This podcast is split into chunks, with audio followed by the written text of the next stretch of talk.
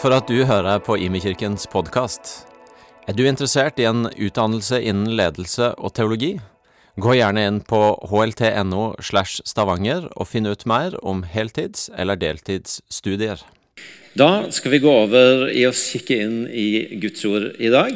Eh, og igjen, for å bygge ei bro fra det som vi har snakka om, og til det vi skal snakke om, så har jeg lyst til å hente opp igjen bildet av Gia som Frode òg snakka om. Fordi han har på en måte eh, vært i bakhodet mitt når eh, jeg har jobba med teksten i dag, som er fra Filippabrevet 2. Gia, som Frode helt riktig sa, han har en muslimsk bakgrunn. og så fortalte han om sin historie at han leita etter fred.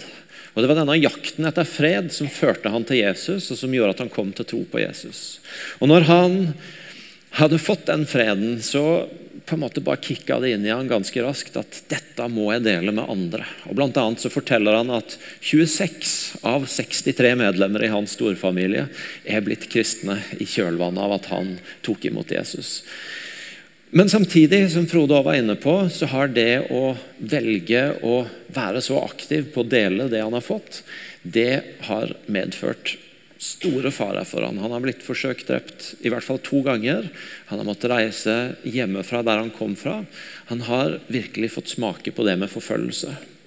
Og når jeg satt og intervjua han, så, eh, så, var det jo på en måte en sånn dissonans mellom dette Det begynte med å leite etter fred og det endte i forfølgelse. Og Jeg var nødt til å spørre han, du, eh, har, har, du ikke vurdert å ta en litt lettere vei? Har du ikke vurdert å ja, gjerne tro på Jesus, men å, men, men å gå en litt lettere vei? Og Så kommer svaret helt sånn kontant, uten betenkningstid. I cannot compromise my calling. Jeg kan ikke kompromisse på kallet mitt, er det umiddelbare svaret han gir. Og når vi Forrige søndag så begynte vi å lese Filipperbrevet og har sagt at de fire neste ukene så utfordrer vi hverandre på å lese et kapittel i uka og bruke tid i det. Og så vil vi forkynne ett og ett kapittel på søndagene. Han Therese begynte sist søndag med eh, kapittel 1, men også med å fortelle litt om bakgrunnen for Filippa-brevet. Jeg fortalte hvordan det er skrevet av Paulus når han sitter i fengsel. Han er fengsla pga. sin misjonsvirksomhet. Paulus som sjøl har hatt en sånn radikal omvendelsesopplevelse og gått rett derfra til å bli misjonær. Og så og så, tenker jeg når, jeg, når jeg tenker på Gia, og når jeg samtidig leser Paulus, at, at, at hvis jeg hadde stilt Paulus det samme spørsmålet, men Paulus du har ikke vurdert en litt lettere vei, så aner de at svaret ville vært mer eller mindre helt likt. I cannot compromise my calling. For når vi leste kapittel 1 forrige uke, så ser vi at når Paulus er i en vanskelig situasjon, han er i fengsel, og det er uklart om det fengselsoppholdet vil ende i en dødsdom eller i at han går fri, så er hans fokus Nei, men Dette er jo en mulighet. Nå kan jeg forkynne evangeliet her inne, og jeg ser folk komme til tro.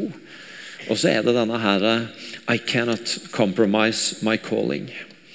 Kapittel 1 endte, ender med at Paulus ikke bare skriver om sine egne utfordringer i fengsel, men han tydeliggjør i de to siste versene, kapittel 1, vers 29 og 30, at også filipperne står i utfordringer. Også de opplever vanskeligheter pga. sin tro.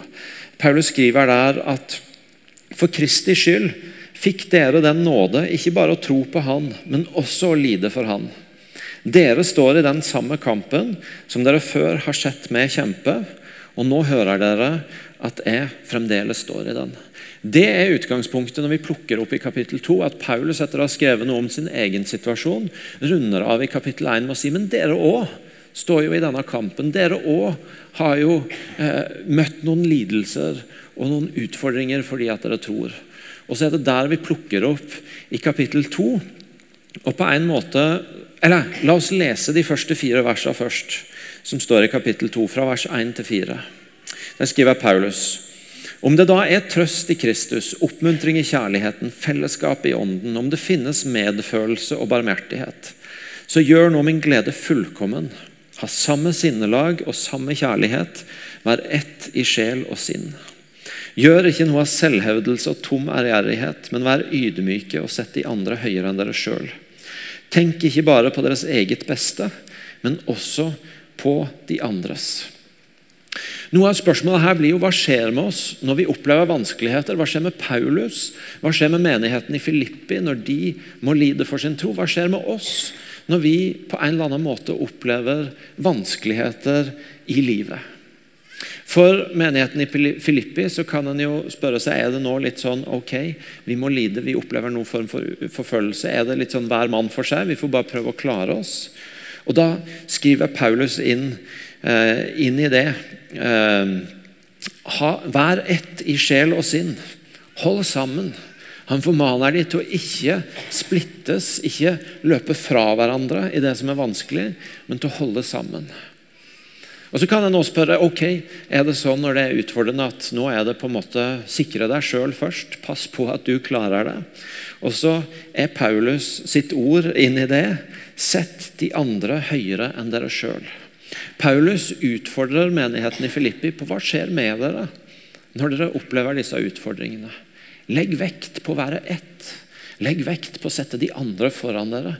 Pass på hva som skjer med dere og med hjertene deres når dere står i disse utfordringene. Og på en måte så tenker jeg Når jeg hører den situasjonen og leser det Paulus skriver, så tenker jeg at, at jeg hører litt sånn lyden av et par spørsmål som, som, som en kan høre ganske ofte i dag òg, og som jeg kan stille meg sjøl ganske ofte. og som du på ulike måter i samtaler, i portrettintervjuer, kanskje i bøker eller podkaster dukker opp. og det er disse her spørsmålene Hvem skal jeg være? Og hva skal jeg leve for? Hvem skal jeg være, og hva skal jeg leve for? Det er et spørsmål som jeg jevnlig kommer tilbake til og må på en måte justere og bryne meg sjøl på. Det er spørsmål som jeg ser og opplever i samtale at ganske mange andre òg i en eller annen variant, om du ikke akkurat bruker de orda, hvem skal jeg være? Og hvem skal jeg være i denne situasjonen hvis det kommer en utfordring? Hvem skal jeg være når jeg møter dette? Og hva er det jeg skal leve for? Hva er det jeg skal holde som retning? enten Enten det går ganske rett fram akkurat nå, eller jeg står i noen utfordringer som gjør at jeg må være bevisst på hva skal være kursen for livet mitt.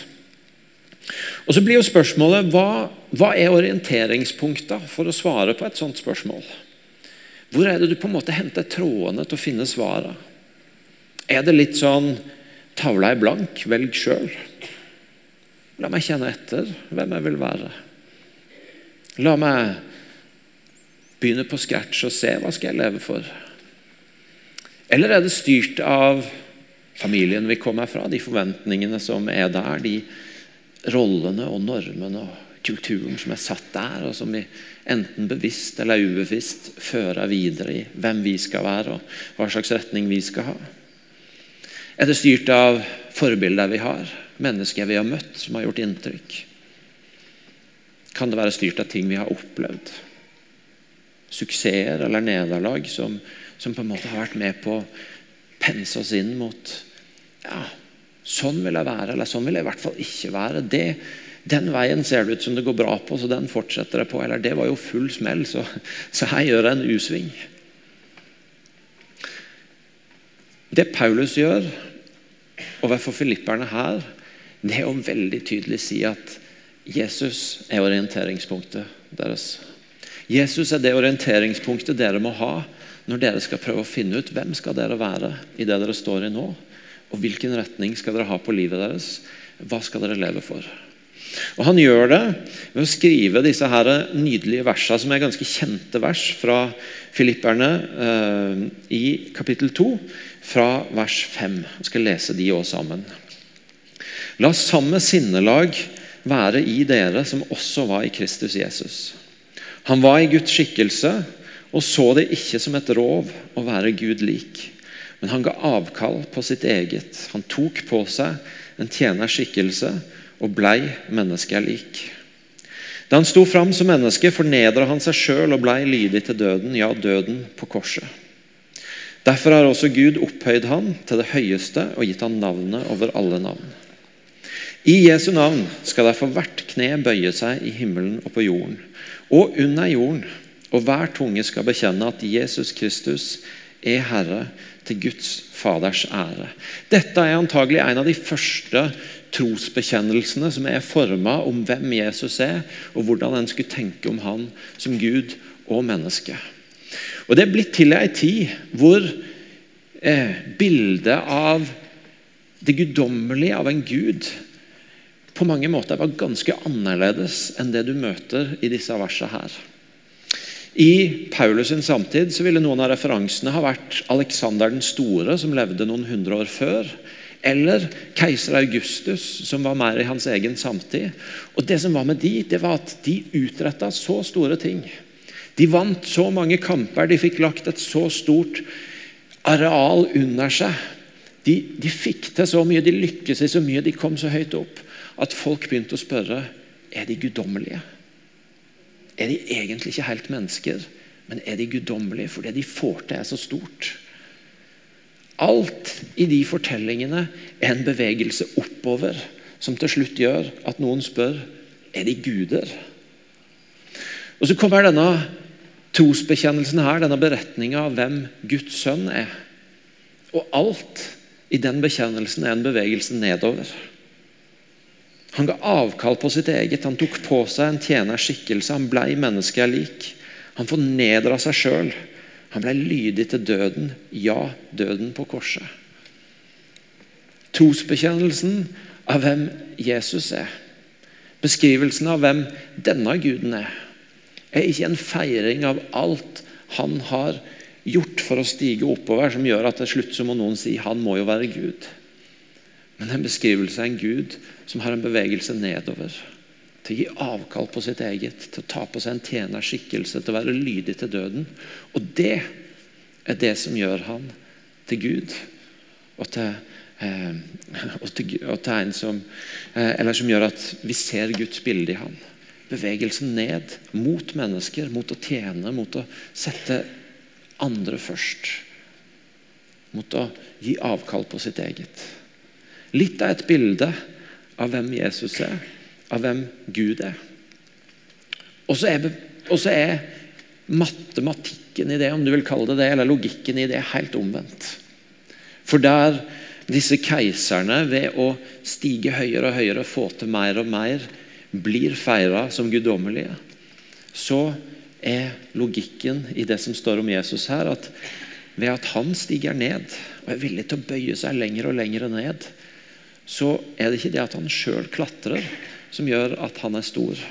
Men det står at derfor har Gud opphøyd han til den høyeste og gitt ham navnet over alle navn. Det er en pastor som heter Bill Johnson, som har sagt at eh, all de suksess og ære og ting som vi bygger på egen innsats, de står vi også ansvarlige for å, eh, for å opprettholde med egen innsats. Men de tinga som Gud gir oss, som Gud løfter opp, hvor Gud opphøyer oss, om du vil, sånn som sto med Jesus her. Det er det faktisk Gud som holder i. Det ligger på Han. Det er hans og ikke vårt. Og Det er noe av den bevegelsen som Paulus ber oss orientere og, og menigheten i Filippi når vi skal svare på disse spørsmålene. Hvem skal jeg være? Og hva skal jeg leve for? Jeg tar utgangspunkt i Jesus. La han være orienteringspunktet ditt. Sist søndag så, så vi at et tema, et hovedtema for Filippa-brevet det er glede, og det er helt sant. Og så har jeg tenkt denne uka at på en måte så er temaet i Filippa-brevet Jesus, og det høres jo helt banalt ut. Selvfølgelig, handler det om Jesus i Bibelen. Men poenget mitt er det som, om, som Paulus bare vil peke de inn mot. Se på Jesus, orienter dere ut fra Jesus. La han være kompasset, la han være det orienteringspunktet som dere ser til når dere skal finne ut av disse spørsmålene her. Og Så skriver Paulus da i vers 12 og 13.: Mine kjære, dere har jo alltid vært lydige mens jeg var hos dere. Så vær det enda mer nå når jeg er borte, og arbeid på deres egen frelse med respekt og ærefrykt. For det er Gud som er virksom i dere, så dere både vil og gjør det som er etter Guds gode vilje. Arbeid på deres egen frelse det er en sånn formulering som lett har skapt litt forvirring. Ja, eh, er vi ikke frelst av nåde? Eh, skal vi, må, eh, handler frelsen vår om det vi utretter sjøl? Nei, den gjør ikke det, og det leser vi veldig tydelig i Bibelen. Men, men det Paulus, og, og, og, allerede i vers 13 så sier han det er Gud som er virksom i dere. Det ligger på Gud. Men det er som om Paulus sier dere må, dere må, må på en måte plassere dere. Dere må være villige til å sette dere i en posisjon hvor denne prosessen skjer.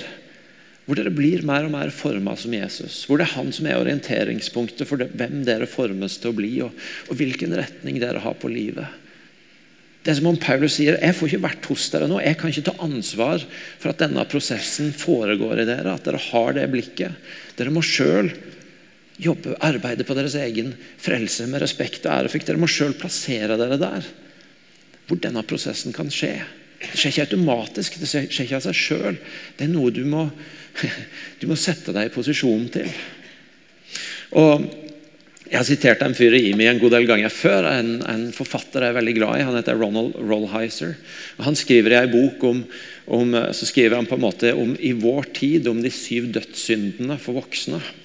Og Da skriver han om latskap. At det er å utsette og underminere vår, eh, det som er våre virkelige ansvar.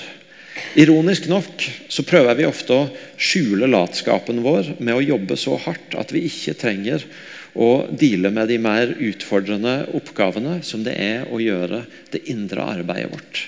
Jobben på innsida. Jeg syns det er utrolig fascinerende formulert.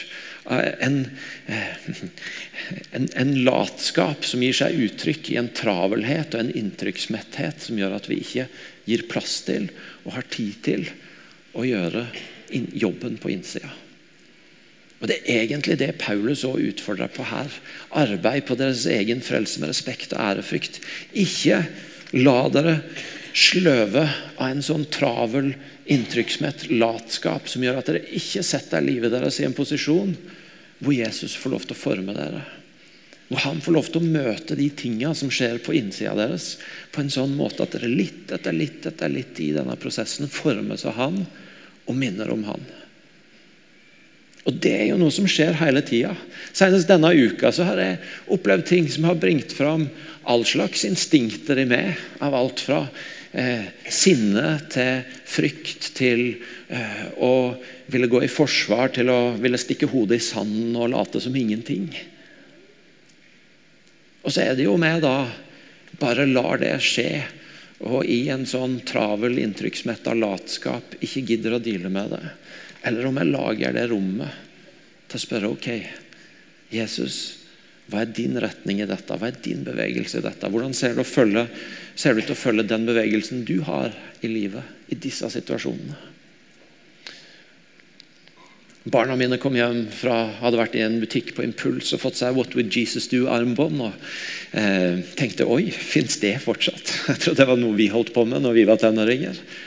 Så jeg bare tenkt på det. Det er jo det, det, er masse å si om at vi er på en måte ikke frelst av det vi gjør, men av det han har gjort for oss. og sånn, Men det er noe helt sånn grunnleggende enkelt i ok, Jesus. Hva, hvordan ser du ut i denne situasjonen, og hvordan kan det få forme mitt liv? Og Så skriver Paulus i vers 15 og 16 så kan dere være uklanderlige og rene, Guds barn uten feil, midt i en vrang og villfaren slekt. Dere stå, stråler blant de som stjerner på nattehimmelen når dere holder fast på livets ord. Og Da skal jeg få den ros på Kristi dag at løpet mitt og strevet mitt ikke har vært forgjeves. Dere stråler som eh, stjerner på nattehimmelen det som Paulus sier at Hvis dere lar denne prosessen skje i dere, hvis dere er villige til å stille livet deres fram for Jesus som, som sentrum, som orienteringspunkt, som kompass, og gradvis i disse situasjonene formes av Han, så uten at dere har gjort noe, uten at dere har utretta masse, oppnådd masse greie resultater, men bare ved å være de, så er dere et lys i denne verden. En annen amerikansk forfatter, Timothy Keller, han hørte jeg si en gang som en kommentar både på at det har vært masse drit i de siste åra i kristne sammenhenger med ledere som har falt, og sånn, og også masse rør i verden rundt oss av, av, ting som har med politikk og lederskap og sånt å gjøre. Så, så hørte jeg bare han si at, eh, som en kommentar til det at en kristen karakter gir håp i denne verden. En karakter som formes litt etter litt etter Jesus, er i seg sjøl et håp inn i denne verden. Og Det er noe av det som er invitasjonen og oppmuntringa i dette. her, at vi kan, vi kan, lett begynne å tenke på alt vi, vi, vi skulle ha gjort for å bety et eller annet, for å utrette et eller annet i verden rundt oss. Og så Noe av ordene fra Paulus og fra Timothy Keller det er ved å være et menneske som over tid lar seg forme av Jesus, så er du et lys. Du er et håp i denne verden, uavhengig av hva du har gjort. Men ved å være en som lar seg forme av Jesus. Det tror jeg er invitasjonen til oss i dag, ut fra Filipperne 2, å sette livet vårt framfor Han. Ta den indre jobben og se hvordan det former oss til noen som kan få være et lys, et håp i verden rundt oss. Og Så stopper ikke prosessen med min tale, men som han Therese sa sist Det vi aller mest ønsker oss av disse ukene, det er jo at vi leser Bibelen, og at vi får, lar den tale til oss sjøl. Men som en drahjelp på veien så har jeg lagd tre spørsmål til dere som dere kan ta med dere hjem, til middagsbordet, til huskirka, til spaserturen. Og Det ene og første er altså Hva stoppa du opp ved i kapittel 2? Les teksten sjøl og spør hva, hva merka du deg ved? Og Det andre er hvordan ser det ut for du å ha Jesus som et orienteringspunkt? Hvordan ser det ut for du å ta hverdagens hendelser og sette dem fram for Han, og la Han få prege deg? Og Det tredje er hvilket rom gir du for det indre arbeidet i livet ditt? Hvordan ser det ut for du å ikke være lat i din travelhet, men å skape en arena for å gjøre den indre jobben? Skal vi reise oss opp og be sammen? Jesus, takk for at du er sentrum. Takk for at du er sentrum. Og for at eh, du ikke først og fremst ber oss om å produsere en masse greier, men du ber om å få lov til å skape noe i oss som gjør at vi er noe i denne verden. Og jeg ber deg om at du tar oss alle inn i hva det betyr for den enkelte av oss hvilke situasjoner det er aktuelt for i våre liv nå. Hvilke steder hvor du ønsker å ta oss med i din bevegelse. Og Jeg ber deg om at du skal plante i oss denne vissheten om at din bevegelse er annerledes. Det er så mye verden rundt oss handler om å klatre opp. Så handler din bevegelse om å stige ned. Hvordan ser det ut i våre liv, Jesus? Hvordan ser det ut for oss som kirke å ikke søke å klatre, men å søke å tjene? Tal til oss om det, Jesus. Gjør det konkret for oss. Så ber jeg deg òg om at du avslører oss i vår travle latskap, og hjelper oss til å finne rom til å åpne opp det som er på innsida og la, la det få møte du og ditt liv. Kom, Hellige Ånd, og skap noe nytt i oss. Amen.